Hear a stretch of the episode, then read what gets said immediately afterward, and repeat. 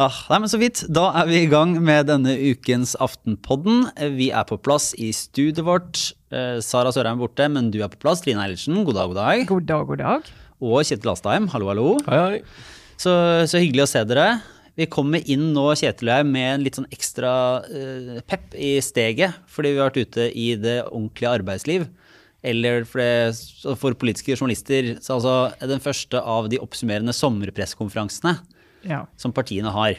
Kan kalle det politiske utelivet. da, klokka ni om morgenen på Blå. Utestedet Blå. Ja, og sånn har det blitt da, for de som er, er vant til å reise på pressekonferanser og møte ja, mye av de samme folka eh, med jevne mellomrom, høre hva som skjer, eh, få noen oppdateringer fra politikerne.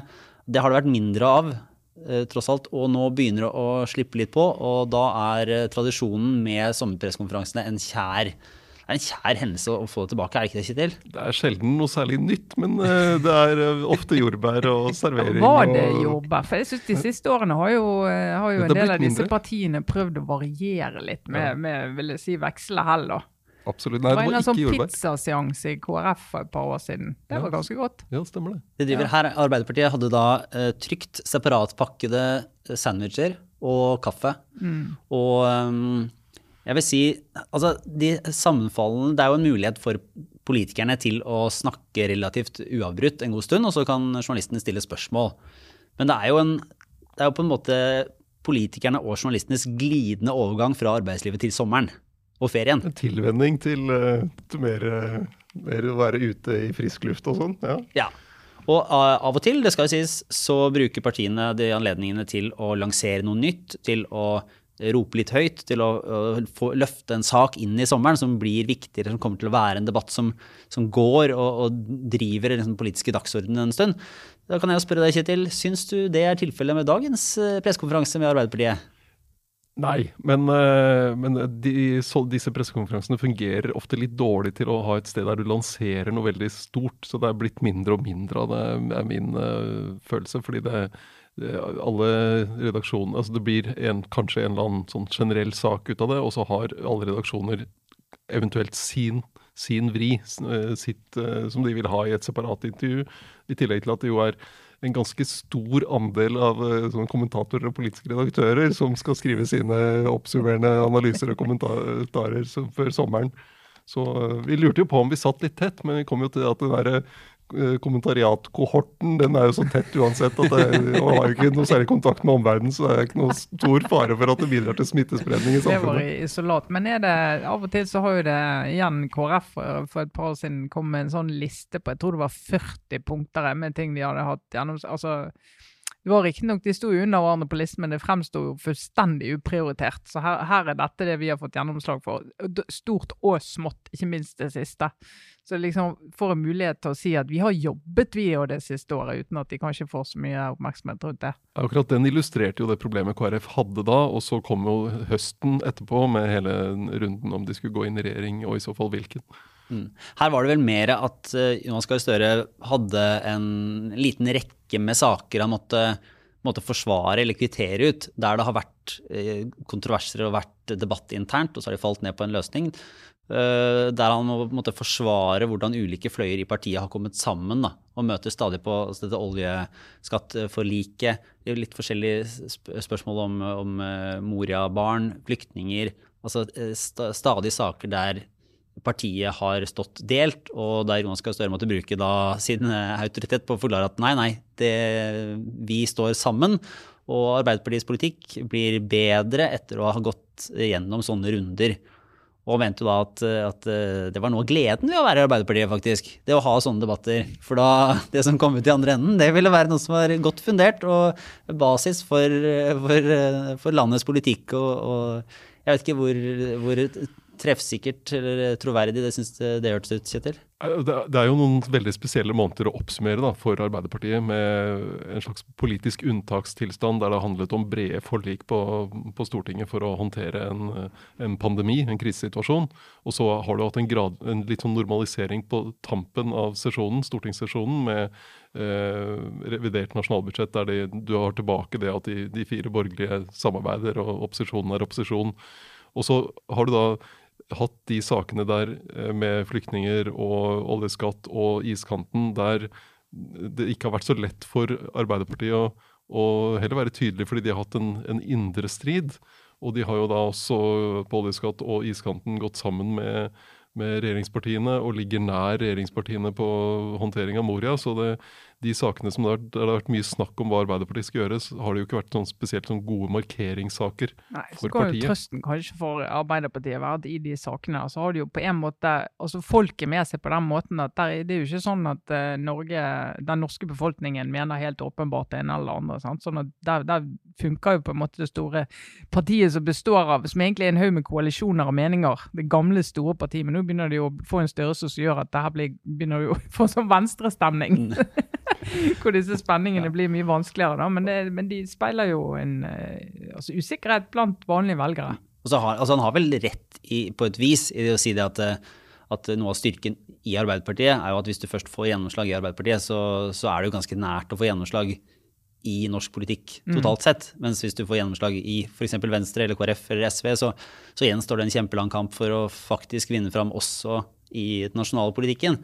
Eh, men det er jo lett lettere å ha den posisjonen hvis du, altså hvis du sitter i posisjon, i regjering så er det ganske mye mer morsomt å ta de interne diskusjonene og komme til noe du faktisk kan gjennomføre, ja. enn når du er Arbeiderpartiet i opposisjon og blir, blir litt uh, små til slutt likevel, og ikke kan gå ut og si at uh, nå stempler vi på dette her, og så skjer det neste uke. Og så er det jo en sannhet med modifikasjoner. Det er klart Når Arbeiderpartiet var 30, 30 pluss prosents parti og var helt dominerende i regjering, enten alene eller sammen med andre, så var det, var det jo en kort vei fra et landsmøtevedtak til uh, faktisk politikk.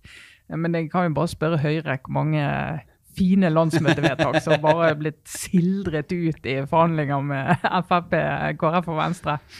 Mm. Så, er det, så, er det, jo de, de, vanskelige sakene som vi også skriver litt om i, har skrevet litt om denne uken, om, om olje og oljeskatt og iskanten og sånn. Det er jo eh, den konflikten i Arbeiderpartiet mellom industriinteresser og de som er mer opptatt av grønne skiftet og omstilling og klima og naturverdier, det er jo en, eh, et uløst problem for altså, Det er noe som hele det norske samfunnet står oppi, det, mm. og som er en av de, de, vanskeligste tingene å håndtere i norsk politikk i, i de nærmeste årene. Så det, det, det er, de sitter på en måte midt i den, uh, noe av det vanskeligste som, uh, og som også bør et, som er vanskelig også for Høyre. og altså De partiene som skal styre, ønsker å styre og være tunge styringspartier, har, en, har store saker å håndtere der. Hvordan får vi til den å ta vare på viktige arbeidsplasser og samtidig få til en omstilling som vi ikke vet hvor fort går.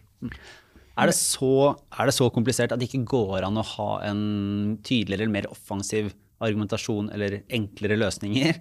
Eh, eller er det, kunne det vært sett for deg at, at Arbeiderpartiet og Jonas Gahr Støre gikk, gikk, tydeligere ut med noen sånn Dette skiller oss fra regjeringen, dette er det vi skal gjennomføre, dette er løsningen på, på det vi står i. Ville, ville det bare falt på, på manglende troverdighet? Det er, for det er jo ganske men hører jo det er veldig mye om og men, og skal vi løse det litt sånn her, og vi må passe på det, og vi må passe på det. Mm. Og det er jo helt sikkert eh, det er jo, Sånn er jo mye politikk. Men det er en del politikere som, fra andre partier kanskje som ville sagt her er det to ting vi skal gjøre, og det mener vi er løsningen. Mm. Og, så, og så står det mye annet i liten skrift, da.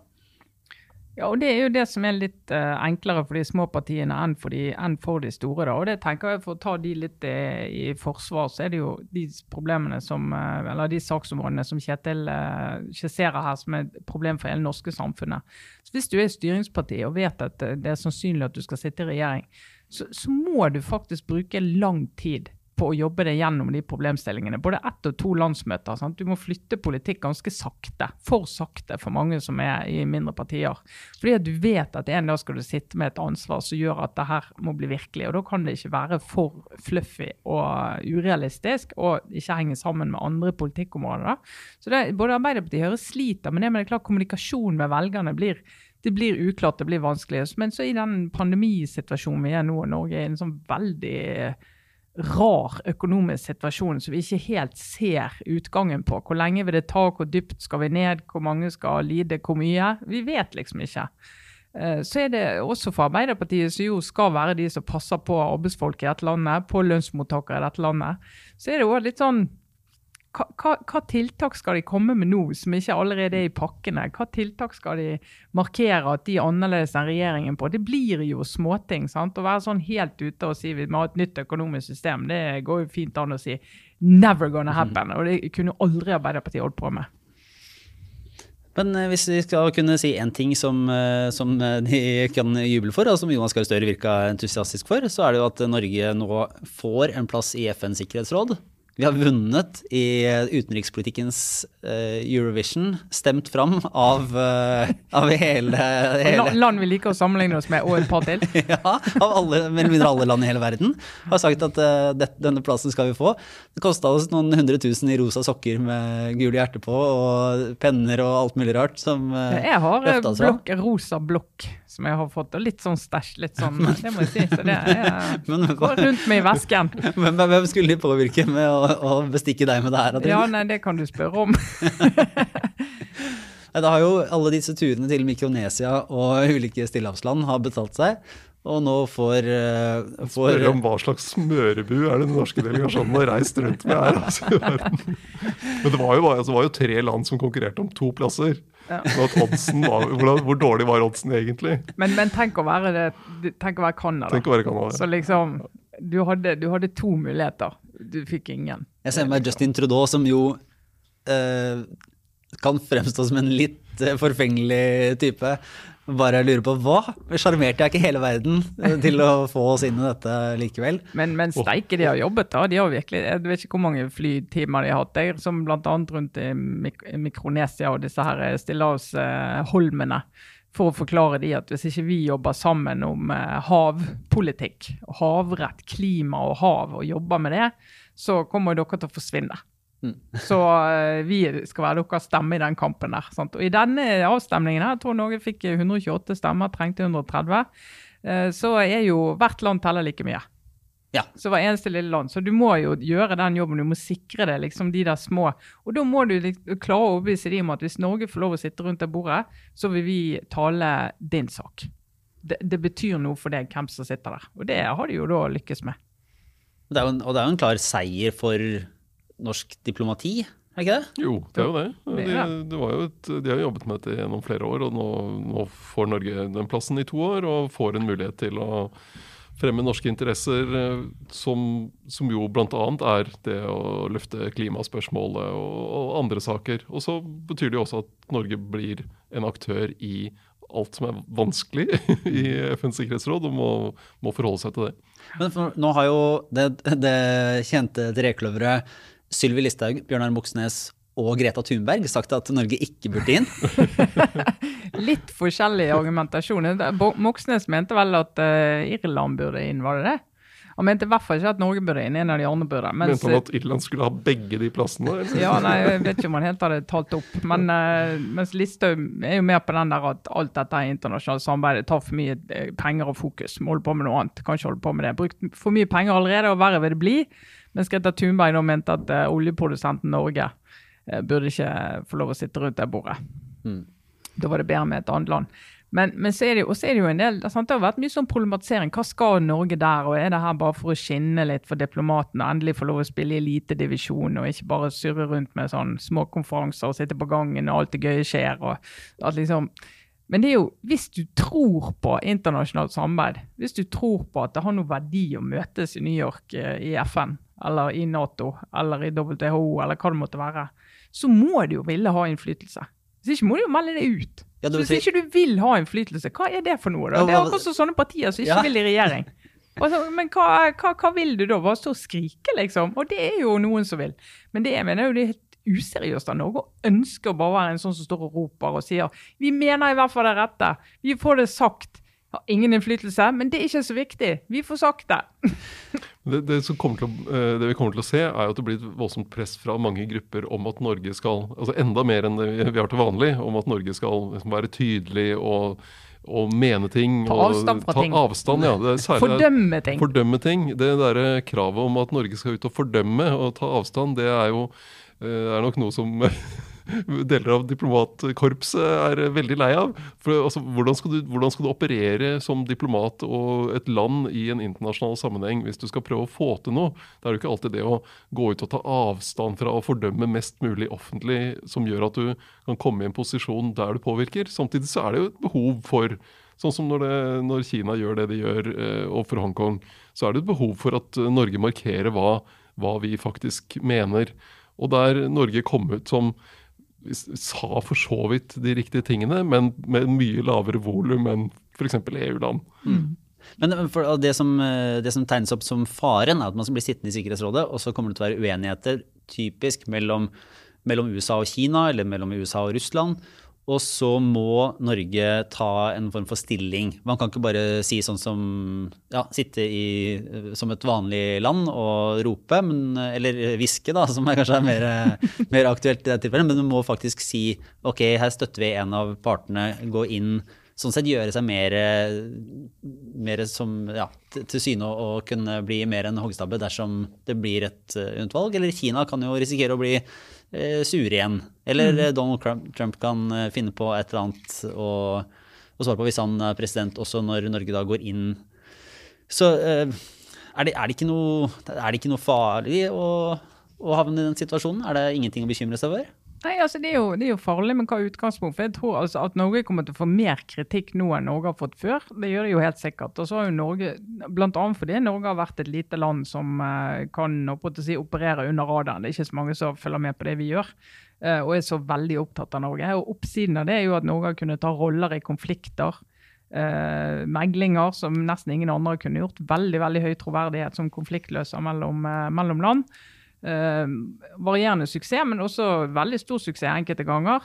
Eh, og har et land som veldig mange typer land henvender seg til og ber om hjelp til hvis de har en problematikk i de store internasjonale organisasjonene. da. Eh, og veldig, veldig dyktige diplomater har Norge. Godt rykte på seg.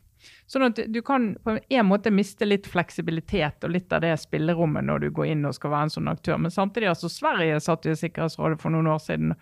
Eh, og flere land har jo gjort det, så du må liksom bestemme deg for hva du vil gjøre der, hvordan du vil bruke det. Hvis du skal gå inn der og si at nå skal vi eh, bare sitte og stemme sammen med USA mot Kina i i to år, eller vi skal liksom markere det. Altså det. det. er jo ikke noen plan. Du må jo inn og se er det, noen, er det noen konflikter der vi kan komme fordi vi sitter rundt bordet med en løsning. Altså typisk sånn hente de kjemiske våpnene ut av, uh, ut av Syria, da det var krisen. sant? Mm. Liksom, vi, da, nå står det helt fast. Hvem av oss kan, kan klare å få, få, satt i gang det og få gjort det, og være de som kommer med de løsningene. Så er det ikke alltid at du er nødt til å være sånn veldig polarisert uh, midt oppi det, men du kan bidra for det. Støre hadde en, en, beskrivelse av dette på den pressekonferansen i dag, der han uh, pekte på at det som ofte skjer i sikre, Sikkerhetsrådet, er at et av de landene som En av vetomaktene sier at uh, altså Kina eller USA eller hvem det er, sier at uh, her skal vi ikke gjøre noe. Altså bare setter et punktum for saken, som Støre sa. Mens land da som, som Sverige og Norge kan bidra til at det punktumet ikke blir satt. Så det er en slags, slags kamp. Komma, ja. kamp. Ja, kanskje kampen for komma og semikolon. og ja, ja, ja. Men det, det, betyr jo faktisk noe, da. Ja. Og det er jo sånn internasjonalt uh, samarbeid og diplomati er. Det er jo ting som ser utrolig smått og grått og kjedelig ut, men der faktisk kommer det betyr noe. Sant? Nå kan du være bitter, vet du, Trine, for du, du takka vel nei til UDs nei aspirantkurs. Ja. Da, hvis du hadde takket ja, så kanskje du hadde Kunne jeg vært ja. kanskje der nå, ja. Det kan du si. altså. Diplomaten i meg gråter, men samtidig så er ikke den så veldig sterk. Men er det, ja, hvis man skal komme med en eh, slags spådom, blir sittende og tenke altså blir det en helt annen eh, hverdag for norsk utenrikspolitikk om, i 2021 og 2022 av, av dette her? Jeg tror det blir et, mye, et høyt tempo gjennom de to årene. Det tror jeg blir ganske intenst for Og det så i hvert fall ut som Støre gledet seg til dette dersom han blir statsminister neste høst. Kanskje han hadde lyst til å bli utenriksminister? Ja, kanskje, ja. Han, blir, kanskje han blir det isteden. Så kan Vedum være statsminister. Men det kan jo faktisk bety at vi får en mer reell utenrikspolitisk debatt også i Norge, kan ikke det? Ja, det har det jo vært. For det er jo, det er noe, som, noe som, i utgangspunktet ligger ganske dødt. Men, men, nå her er det jo et, et, mulig utløp for utenrikspolitiske grep som, som, vi ikke har i dag, da, hvis man har den posisjonen. Det er jo mm. litt spennende å følge med på. Mm. Men hvis vi skal fortsette i etikken og, og så, ja, så, kan jo dette endre seg veldig. Norge kommer jo inn i Sikkerhetsrådet 1.1. Da kan det jo være bare noen uker unna en ny president i USA. Da, kan, som, da blir det jo plutselig et annet uh, en, en, annen situasjon i, i verdensdiplomatiet. Så det, ja. Men det de kan være helt trygge på, det blir i hvert fall ikke noen president i Russland eller Kina. Nei. Der er det, det er stødig rombetingelser. Ja. Noe ligger fast. Ja. Ah, nei, vi skal fortsette inn i litt, hva skal man kalle det, avdelingen for etikk, moral og dilemmaer. Eh, fordi det har jo vært denne uken eh, dette etikkutvalget, Mestad-utvalget, har var på mandag ute med sin rapport om mulige justeringer i reglene og praksis for oljefondet. Og der, Du har skrevet en kommentar om dette, Kjetil. for Der dukker det opp dilemmaer og, og muligheter for feiltråkk og riktigtråkk over, over, en lav sko. Mm. Ligger det an til at det blir noen, noen betydelige endringer i hvordan oljefondet kommer til å operere? Nei, de uh, ikke så veldig store. De baserer seg på det som ligger der allerede, og som har vært sånn gradvis utviklet siden 2004, var det vel. Uh, og så foreslår de noen uh, justeringer.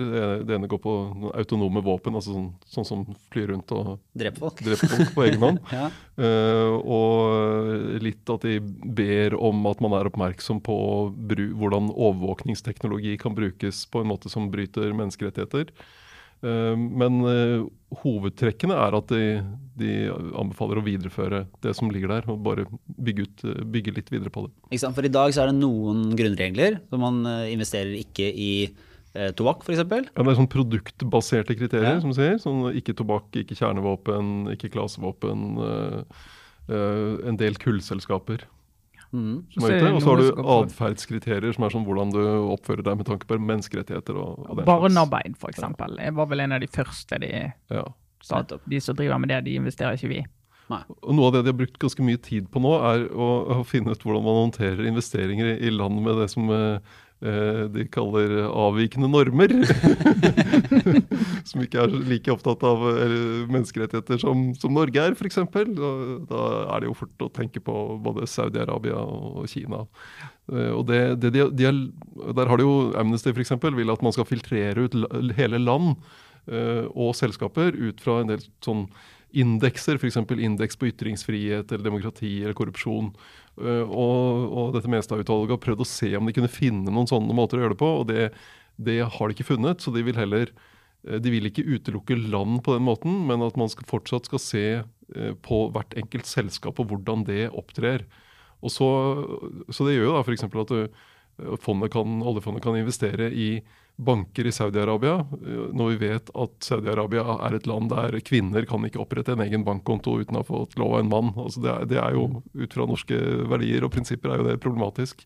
Og så vil da utvalget at uh, fondet skal se på hva gjør et selskap som er inne i et sånt land med avvikende normer? Hvordan bruker de handlingsrommet sitt? Altså prøver de å, Hvis det er forbudt med, med fagforeninger, eller begrensninger på det, prøver de å legge til rette for innflytelse og ivareta arbeidstakernes innflytelse på annet vis. Men her er det ganske langt inn i diplomatiet. da, for du kan si at uh, her er det jo, Apropos det å rope eller hviske eller si ifra. Uh, det er jo ikke sånn at uh, Saudi-Arabia eller Kina for den saks skyld det er ikke så lett å se øyeblikkelig endring, eller det press, det er ikke lett å se hvor, sånn, hvor lydhøre de er for en oppfordring eller en dialog med oljefondet? Eller er det et tegn på at de bryr seg om dette her? De advarer mot altså, Oljefondet har jo et etikkråd som jobber med dette hele tiden og gir anbefalinger og følger opp, uh, sjekker ut selskaper og sånn. Og, og, dette utvalget er veldig tydelig på at Etikkrådet bør ikke komme med det som kan tolkes som kritikk av myndighetene. Fordi da, blir, da vil oljefondet bli tolket som et utenrikspolitisk verktøy for mm. Norge, som det ikke skal være. Men Det, det, er, det, det er, faktisk et veldig interessant og viktig skille. For du kan jo være i et land Eh, der du ikke har eh, noe særlig arbeidstakerrettigheter overhodet å snakke om. Eh, men så kan du være et enkeltselskap, ganske stort enkeltselskap som f.eks. har fødselspermisjon på en måned. Sier det at det, det gir vi til våre ansatte. Eller som behandler sine ansatte bedre enn myndighetskravene tilsier fordi de konkurrerer i et internasjonalt marked og ser at de må gjøre det. Fordi de kan få problemer med, med kundene sine hvis ikke de gjør det. Eh, og Da vil jo logikken være at uh, oljefondet kan jo investere i et sånt selskap i et land som er, har standarder som vi ikke forholder oss til i det hele tatt. sant? Og så kan de la være å investere i et annet selskap i det landet, fordi at de utnytter muligheten til å misbruke arbeidskraft i mye større grad. Men at du kan ikke med en gang du sier at ja, men i det landet er det så mange selskap som driver så mye rovdrift at i det landet skal ikke vi investere, da får plutselig Norge, norske myndigheter vil de bli, få en liten ambassadør på døren som sier unnskyld meg, kan vi, kan vi ta en prat, hva, hva, er det dere vil, og hvem er det vi skal ha denne dialogen med? Uh, og det vil jo fondet for all del unngå. sant? Men det er vel greit nok i land som har et faktisk fritt næringsliv, og der, man, der, det, der det, er skiller mellom, uh, mellom, selskaper. Hvis du ser på, du ser på Kina og Saudi-Arabia f.eks., så er jo en del av industrien så knytta til myndighetene at, at Kina, nesten... Kina, er jo en nøtt, ja. og ikke minst det med overvåkning. Sant? For jo, jeg tror det er ingen som tror at du som et kinesisk selskap kan bare si noe hvis myndighetene sier jeg skulle gjerne hatt info om dine ansatte, hvor de går og står så sier nei, det får du ikke. Det er jo ikke så mange som ser for seg en sånn diskusjon. Mm. Men, så, men, er det uh, En kunne jo tenke seg mulig det er eh, naivt, men at dette, det, altså, det, tolkes jo som en utenrikspolitisk eh, verktøy uansett, egentlig. Oljefondet også i dag. Man kan jo si alt man vil at det ikke skal være det, men litt ute i verden så blir det jo sett på som et Altså det er norske penger. Det er litt sånn som Nobelkomiteen. Hvorfor skal du tro at, at Kina tolker oljefondet som noe mindre politisk enn Nobelkomiteen, på en måte. Det, det slipper man vel ikke unna. Ja, men jeg syns det var interessant. Altså det de skriver om altså, Etikkregler skal på en måte ha et fundament hvor, de, hvor de, altså grunnmuren er verdier som det er bred enighet om i Norge. Altså, sånn at vi kan si at det er, ikke, det er ikke noe som Arbeiderpartiet er ekstra opptatt av, hvis Høyre helst ikke vil ha. og Det var jo da når Raymond Johansen liksom mente at oljefondet skulle ikke investere i, i selskaper som leverer eh, altså private velferdsselskaper ute i verden, så fikk han jo så hatten passet også fra folk i Arbeiderpartiet. fordi at det var sånn, Men idet vi gjør det, så tar vi våre hjemlige politiske konflikter inn i fondet. Og da begynner vi å, å streve. da. Men så er det jo hva er felles norske verdier? Sant? Det er jo derfor så vi, vi, kommer til å diskutere dette 18 ganger til. for Vi kan liksom ikke bare si at her er vi. Det beveger seg jo. Du får, du får jo et eksempel her. det er jo uh, Tobakk ble kastet ut av uh, oljefondet i 2010. Uh, eh, og så har dette, dette utvalget nå sett på cannabis og konkludert med at nei, det, det kan fortsatt oljefondet investere i. og det er jo et sånn Det er jo et paradoks, og jeg tror vel kanskje man kan spørre om det å kaste ut tobakk var riktig. Fordi, men det ble begrunnet da, forsøkt begrunnet en gang med at her var det Eh, her hadde man nettopp en sånn bred enighet, eh, og, viste, og så viste man til røykeloven. Som, eh, altså, da det ble slutt med å røyke på restauranter og sånne ting. Men det er jo masse paradokser her. Bare se på, på det forbudet mot å investere i kjernevåpen. Der har du en ganske tydelig begrunnelse på at det handler om grunnleggende humanitære prinsipper. Det er mulig å forsvare. Det er litt sånn uh, ikke veldig utenrikspolitisk uh, å, å, gjøre det. Uh, men Norge kjøper jo da samtidig F-35 av eh, et selskap vi ikke kan investere i, mm. eh, Lockheed Martin, og vi er en del av Nato med den atomstrategien som er der.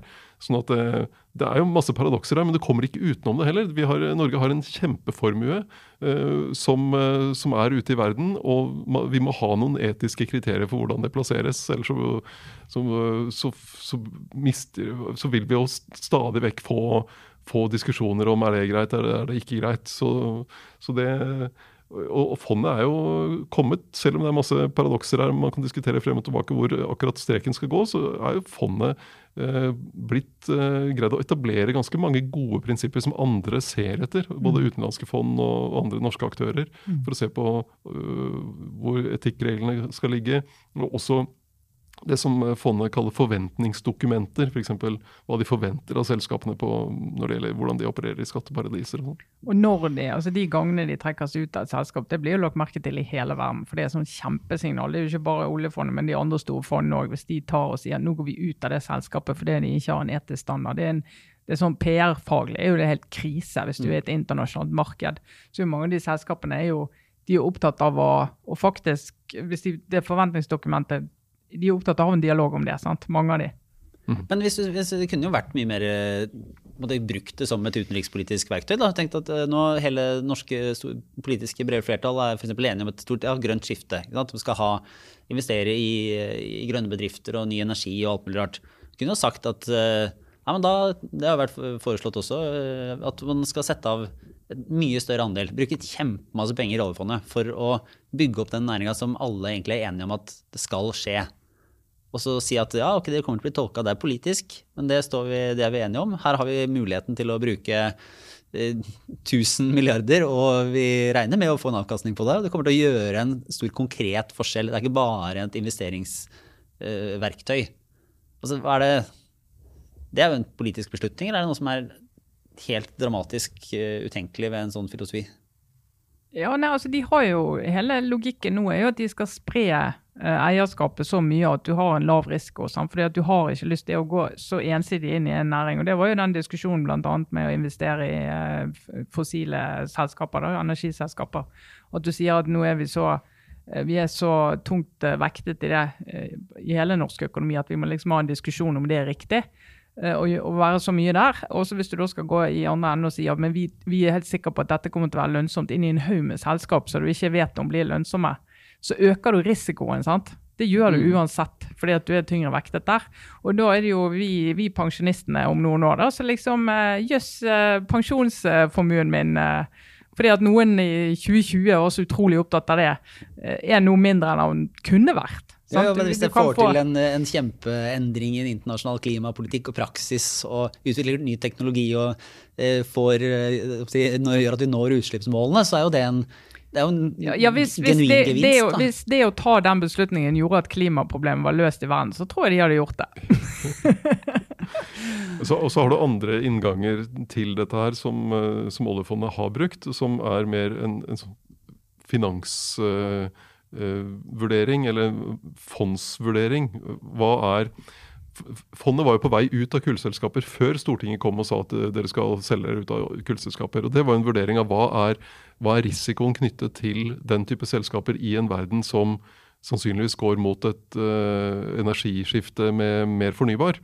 Uh, det, er en, det er sånn fondet prøver å tenke langsiktig om risiko. Og så har, de, har fondet også vært aktivt med det å, og si at, og kreve av selskaper at de må være åpne om klimainformasjon. Altså hvor mye er det de slipper ut, uh, hvor er de sårbare for klimaendringer, hva slags strategi har de for å, uh, for å overleve og tjene penger i en verden som skal oppfylle Parisavtalen, som er en er en måte du kan uh, nærme deg det som investor, uten at du uh, lager utenrikspolitikk av det. Og det, og det jo, må jo sies da, at Av og til så har man jo følelsen av at den uh, grønne skiftediskusjonen er en ren politisk diskusjon. Men det er jo en kjempesvær diskusjon i finansmiljøene. sant?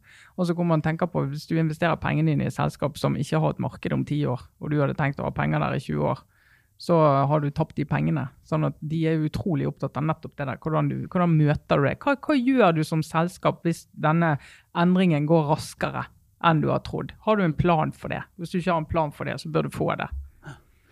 Jepp. Uh, da tror jeg vi runder av den, og så går vi inn i en uh, liten bit med obligatorisk refleksjon. Du har jo varsla allerede ja. Eilertsen, at du kommer med noen klare anbefalinger denne uka? Ja, anbefalinger. anbefalinger. Eh, det, først vil jeg bare si, for Vi hadde en kronikk eh, på trykk denne uken som eh, ja, Jeg vil si man problematiserte, men han konstaterte i hvert fall at A-endingen er på vikende front, og at E-endingen begynner å liksom skli inn i de store norske byene utenfor Bergen, for der er det jo bare E-endinger. Hunnkjønns, grammatisk hunnkjønn er på vei vekk. Og da vil jeg bare få si det går an å leve et verdig liv selv om du ikke bruker a-endinger. Det går fint an. Eh, og så eh, har jeg eh, Siden hver gang vi har en stor nyhetssak, så tenker jeg jeg må bare ha mer og mer og mer av det. Og nå er det rasisme i USA som er min uh, store interesse. Så nå leser jeg, hører, hører, og leser alt om det, og ikke minst ser på dokumentarer. Netflix uh, Det 13. heter den handler om eh, koblingen eh, svart befolkning og kriminalitet. Veldig god dokumentar eh, som eh, går tilbake til eh, da slaveriet ble opphevet og du fikk eh, flere millioner svarte innbyggere som hadde vært viktig arbeidskraft i sørstatsøkonomiene, som raknet fullstendig da de ikke kunne jobbe gratis lenger. Eh, og hvor man da eh, begynte å innføre sånne her eh, løsgjengerlover, og sånn, så du kunne bli arrestert på veldig spinkelt grunnlag. Og når du da var blitt arrestert, så måtte du drive tvangsarbeid. Nettopp, ja. Og da fikk du på en måte inn arbeidskraft, billig arbeidskraft på en annen måte. Men i hvert fall, så de starter der, og så drar de helt opp til vår tid. Eh, sånn, selvfølgelig borgerrettighetskampen og eh, holdt på å si fun fact, men det er jo ingenting fun med det. Men Det demokratiske partiet sine delegater eh, på årsmøtet, landsmøtet i 1924, av de var 350 medlemmer av Ku Klux Klan. For Det demokratiske partiet har jo litt mørk historie på, eh, på denne her. Eh, og så, gjennom hele den war on drugs fra sånn ca. 1970, og liksom Nixon og etter hvert Reagan, og etter hvert også Clinton, fordi at det var umulig politisk å ikke være eh, tough on crime, endte med en sånn altså Den fengslede befolkningen i USA ble jo fordoblet på 15 år fra 1970. Uh, eh, og det handlet jo om at uh, du skulle være uh, war on drugs, og du skulle også fengsles for bruk av narkotika. Og da var det jo sosialt vanskelige befolkningsgrupper som det rammet hardest. Og I dag så er altså svartebefolkningen i USA på sånn, ca. 13% av befolkningen, mens 40% av de innsatte i amerikanske fengsler er jo eh, svarte. da. Og utrolig godt eh, laget dokumentar. Og en av de store overraskelsene er at Newt Gingrich fremstår som et Menneske? Ja, et menneske, men som sånn, han har flere veldig gode poeng. Ja. Altså Han sitter og sier at ingen av oss hvite skjønner hvordan det er å være svart i Amerika. liksom altså Han snakka litt så analytisk om det, da. Så det var mm. faktisk eh, litt eh, overraskende. Men den vil jeg anbefale. Og vi har nevnt uh, Slow Burn før. For de har jo de mm. Sleits uh, podkastserie. De hadde en fantastisk om Watergate, og også om uh, Lewinsky-skandalen. Så de som ikke har hørt det, bør høre det. Og så nå har de altså en om David Duke. Denne store uh, hvite rasisten i USA. kanskje den mest kjente rasisten i USA i nyere tid. Også Ku Klux Klan-leder en periode. Og historien hans og hvordan han liksom ja, altså Han ble jo ikke helt stuerein, men likevel hvordan han liksom var en ble regnet som en ja, samfunnsdebattant. Det gikk an å, å, snakke med og ha en samtale med. Han fikk påvirke, han fikk komme på riksdekkende TV. Han fikk liksom ble ikke stilt så veldig mange kritiske spørsmål, for det var så gøy å ha en litt sånn kontroversiell person i studio Mm. Veldig spennende podkast. Anbefales. Nettopp.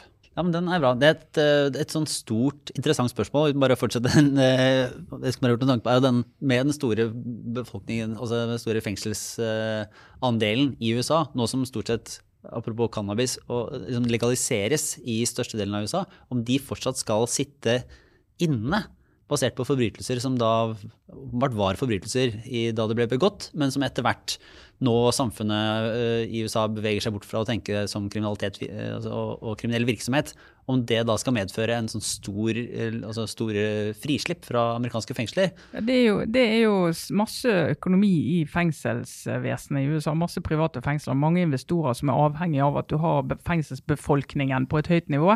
Så det var jo en som sier i denne dokumentaren at kampen mot å få folk ut av de fengslene, de som kjemper den kampen, de, de har veldig mye å tape hvis du skal begynne å slippe folk ut av de fengslene, eller ikke fengsle på det grunnlaget du har gjort uh, hittil. Mm. Den, den, eh, jeg har faktisk kommet kom på nå at jeg har sett den dokumentaren. Den er veldig veldig god, ja. så den kan anbefales. Åssen er det med deg, Kjetil? Har du noen anbefalinger eller andre tanker inn i, inn i en varm helg? Ja, ja nei, vi, vi, bør vel egentlig anbefale litt om Ludvig Holberg ja. Gate. Eller ja, ja, ja, ja, ja, ja. Det, det, det, det, har jo vært strid om statuer, eh, og Ludvig Holberg har vært involvert i det, som, en, som noen ville rive ned. Og med, med påstanden om at han var eh, investert i slavehandel. Og så var det eh, Som er, som er enten etab nærmest etablert som en sannhet i norske medier, også hos oss i Aftenposten, så var det en uh, veldig interessant artikkel av Marianne Solberg i Norsk Shakespeare-tidsskrift.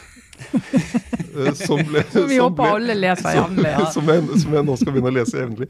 Det har i hvert fall noen i Klassekampen gjort, så det var, det var de som fikk det på trykk. Men der hun går gjennom hvor, den, uh, hvor dette kom fra, hvordan det ble etablert som en sannhet, og, og ettergår om det egentlig var det, og kommer til at det, det er for å si det forsiktig, betydelig overdrevet. Så Holberg er langt på vei frikjent. Ja, og da I pressen så har vi en, en formulering som handler om samtidig imøtegåelse. At altså, Hvis du blir anklaget for noe alvorlig, eller påstander om deg, så skal du få lov å svare i samme sak. Stakkars Holberg er jo død for lenge siden, så har vi ikke det. Men vi må jo snart begynne å snakke om samtidig imøtegåelsesrett for eh, døde personer. For det her har jo vært en ganske tøff eh, anklage mot ja. eh, Holberg. Ja, litt spiritisme i redaksjonen er det vi trenger nå. Men vi kan vel legge ut en lenke til den eh, artikkelen. Ja, absolutt. Også, ja, jo mer trafikk til Norsk Shakespeareforening, eh, jo bedre, vil jeg si. Uh, også en anbefaling, da, siden det, det går jo mye i podkaster og TV-serier og, og, sånt her. Men hvis man da, og da, en del klager jo på at de de greier ikke å lese bøker lenger, for de greier ikke å konsentrere seg så lenge.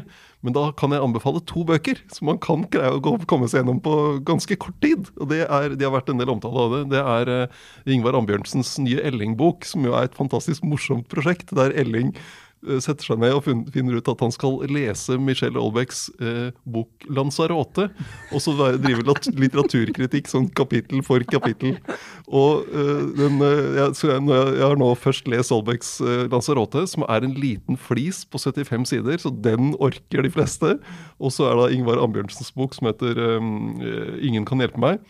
Eh, den er på 155 eller noe sånt, så det, her kan man makte å komme gjennom to bøker hvis man har eh, liksom sunket helt ned i, i TV-serieuniverset. Og det er, det er, veldig underholdende. Holbeck er jo en eh, hva skal vi si en provoserende forfatter. Men eh, det er jo noen scener som er veldig morsomme, og når du da får Ellings blikk på det hele etterpå, så er det definitivt god lesing. Altså. Nettopp, ja. Jeg kan egentlig bare runde av med å jeg kan bare anbefale den eh, altså serien som eh, vel fort gjort alle har sett. Men eh, NRK-serien, altså Normal People. Denne lille kjærlighetshistorien som er, som er utrolig fin. Og det er fascinerende. Jeg leste en analyse som, som snakka om at en del det som Det er vel retta på en måte, i hvert fall mot, om ikke ungdom, så er det retta mot unge mennesker. Og der går inn i en, en liten trend av av TV-serier nå som, dreier, som, er veldig sånn indre drevet. Mm. At man, eh, man, tar følelsene virkelig på alvor mm. i, i TV-serier som, som, retter seg mot unge, og som er veldig, veldig gode. Og som, som, eh, som, er vel denne eh, Både denne Rådebank, Bø i Telemark-serien. Det er litt samme, samme sjanger. Og hva heter den TV 2-serien? Er det Hjerteslag? Jeg antar det. Ja, den har jeg ikke kommet meg gjennom. Men i hvert fall flere som, som går veldig sånn, er indre drevet og sånn utprega romantisk en liten historie. Selv om ja, de Jeg syns den er så fint laget. Mm. Fantastiske skuespillere og enormt mye sex, må vi få lov å legge til. Det er det også. Det er det. Ja, Men på en litt annen måte, så vidt jeg skjønte. Ja, en annen måte. Altså, Eller det, fremstilt på en annen måte. ja, For å ikke skape misforståelser der. Ja, nei, det, og det, det, har en veldig naturlig plass i historien der. Så det er det er ikke noe sånn spekulativt å bruke det for at liksom Så det er utrolig. Nei, den, den er så fin. Jeg husker jeg var jo altfor gammel selvfølgelig til å være hekta på Skam, men jeg var det likevel. Jeg føler jo nå at jeg liksom jeg er ikke helt i målgruppen til denne serien. her. På den annen side, det er jo dypt menneskelig. Og du husker din egen uh, ungdomstid, du husker usikkerheten. Og det er jo den der kommunikasjonssvikten mellom disse her to herlige menneskene. Hvor du sitter 'Å nei, nå trodde du at han sa, men det var ikke det han sa'.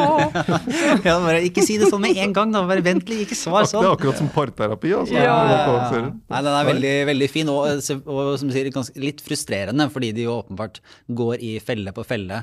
Ja, og sånn er jo livet litt. Grann, ja. da. Det er jo ikke perfekt. så Jeg så en serie rett etter at jeg hadde sett den som var mer sånn streit som vanlig kjærlighetshistorie. Ble irritert. Så tenkte jeg men det er ikke sånn det er. Det er ikke så lett. Folk grubler, de gjør feil. De går helt på trynet. Mm. Så nå har jeg, jeg, har, jeg har en, nå, jeg har én episode igjen. Og jeg sitter sånn, jeg krysser fingrene. Jeg merker jeg kommer til å være litt sånn trist hvis ikke det har en, en happy ending. Da, så, så, ingen spoiler her, men den kan anbefales også Normal People da, på NRK. Veldig, veldig god. Ja, men Jeg tror det var alt for denne uka. jeg. Da får alle gå ut og ha en varm eller i hvert fall hyggelig helg. Og så takker vi for oss og er tilbake neste uke. Det var Aftenpodden. Ha det bra.